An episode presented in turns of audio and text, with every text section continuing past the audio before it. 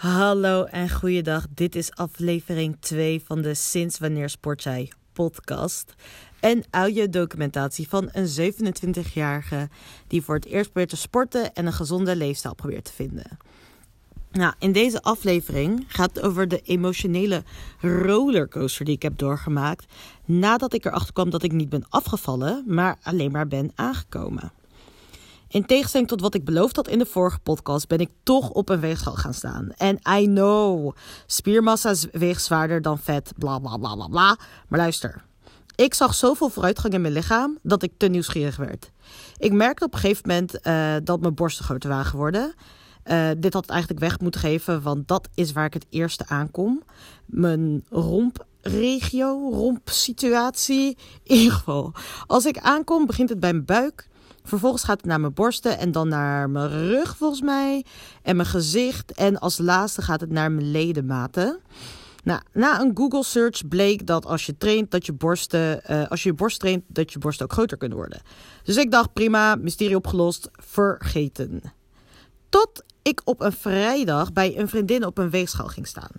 Mijn verwachting was, uh, ik heb minder vet en ik heb meer spier, dus waarschijnlijk weeg ik hetzelfde als in januari. Dus dat is wat 74 kilo. Luister, als het gaat om sport, heb ik geen idee waar ik het in hemelsnaam over heb. Dat werd in deze situatie nog eens verduidelijkt. Na mijn zorgvuldig verzonnen berekening was ik dan ook in shock toen ik opeens 77 kilo zag staan in plaats van 74. Dat is 3 kilo meer dan 2, 2,5 maand geleden. En sporten is allemaal leuk en aardig. Maar het idee is toch altijd, bij vrouwen in ieder geval, om slanker te worden. Ik bedoel, I love krachttraining. Maar een veel te zwaar gewicht boven je hoofd drukken brandt letterlijk in je spieren. Het is niet ultiem comfort. Dus er, zitten, er zitten gewoon een aantal verwachtingen aan als je sport, als je krachttraining doet. Nou, waarom ik deze aflevering maak, omdat ik dus eigenlijk keihard geconfronteerd werd met mezelf op dat moment.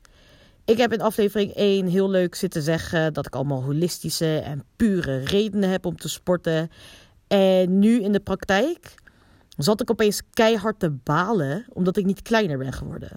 Het eerste wat ik dan ook deed na ik op die weegschaal was gaan staan, was bedenken hoe ik mijn vetpercentage omlaag kon brengen.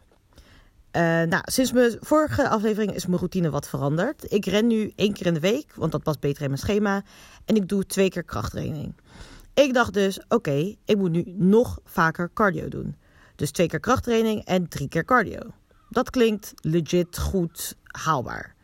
Uh, daarna dacht ik, ik moet meer letten op mijn dieet en veel minder witte koolhydraten eten. En ik moet vaker ontbijten met een protein smoothie.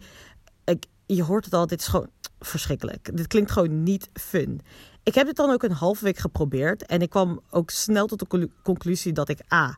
geen tijd heb om drie keer te gaan hardlopen. En B. geen fan ben van vloeibare ontbijtjes. En nog minder fan ben van zoete ontbijtjes. Uh, nou, naast al deze toxic gedachten zat ik ook allemaal YouTube-filmpjes te kijken met oh, six month fitness update. Om te kijken wat andere mensen deden en waarom zij wel andere resultaten hadden na zes maanden die ik niet heb.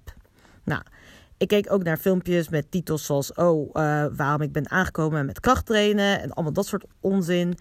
En toen dacht ik: Weet je wat, dit slaat gewoon nergens op. Deze mensen die al deze random adviezen geven, kennen mij niet. En het advies wat ze geven is ook helemaal niet bestemd of aangepast op mijn lichaam. Dus waarom doe ik dit? Nou, dus ik moest weer uh, ik moest het even dichter op mezelf betrekken. Dus ik ging terug naar de vraag: wat is mijn lange termijn doel? Nou, ik wil gezond oud worden. Ik wil gezond zijn. Ik wil fit zijn. Ik wil sterk zijn. En ik wil gelukkig zijn. Oké, nou, dat is duidelijk. Dan, was, dan is de volgende vraag: zijn er tekenen op dit moment dat ik op het goede pad ben om deze resultaten te bereiken? Nou ja, absoluut. Ik ben sinds ik begonnen ben met krachttraining, ja, ik heb alleen maar voordelen gezien. Het eerste was mijn kont.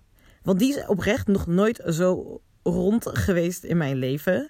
Uh, daarnaast ook mijn rugpijn is helemaal verdwenen. Ik heb een zittende baan waarbij ik gewoon vier of vijf dagen gewoon zit voor acht uur lang.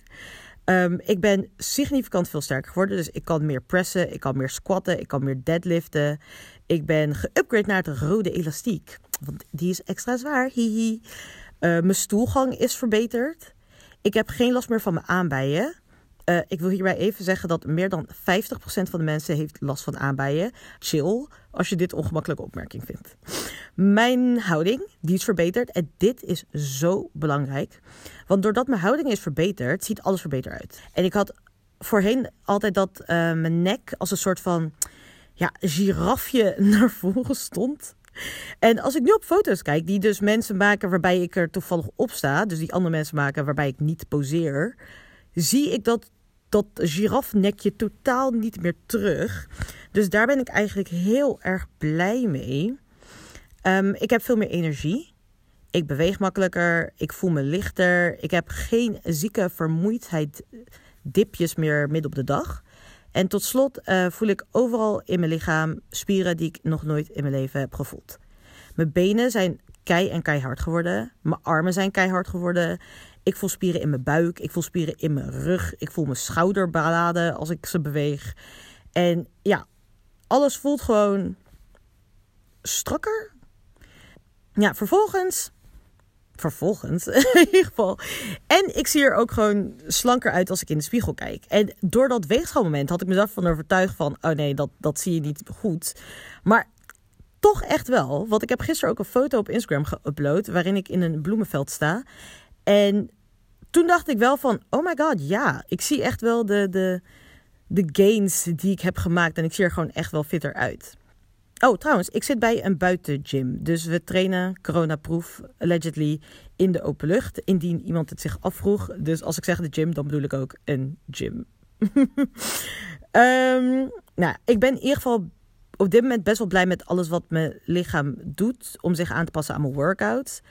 En ik kan nu eindelijk inzien, uh, nu ik even uit die rollercoaster ben, dat het extra gewicht wat ik heb uh, gekregen iets goeds is. En ervoor heeft gezorgd dat ik in de afgelopen tijd sterker ben geworden.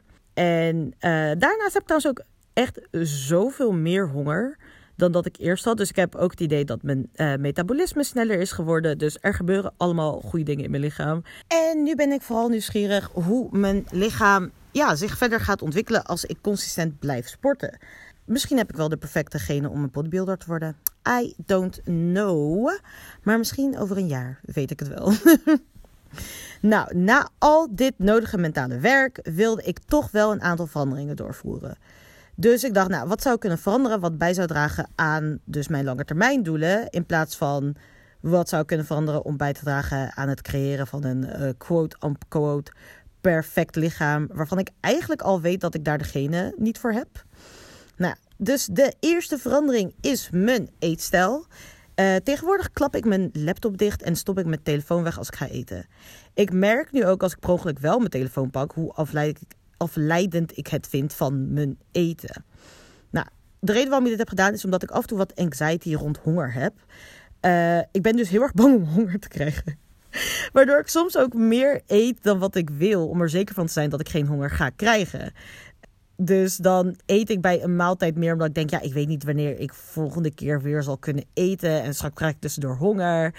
En ja, allemaal dat soort, ja, ik zeg niet irrationeel, maar onnodige gedachten. En ik hoop dat door meer mindful te eten en wat meer geconcentreerd te eten, ik beter mijn hongersignalen kan opmerken. En die slechte gewoontes uh, wat kan afleren. Verandering 2 is niet de kantjes ervan aflopen tijdens mijn training. De keuken is mijn comfortzone. De gym veel minder. Ik ben vaak de langzaamste persoon in de oefeningen.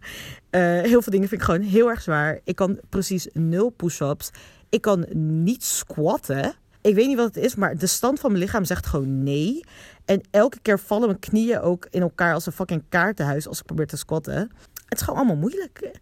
En het belangrijkste is ja, niet dat ik elke beweging perfect doe in de gym, maar ook om te werken aan. Er zit een leercurve in het leren hoe je een goede squat doet en hoe je een goede push-up doet.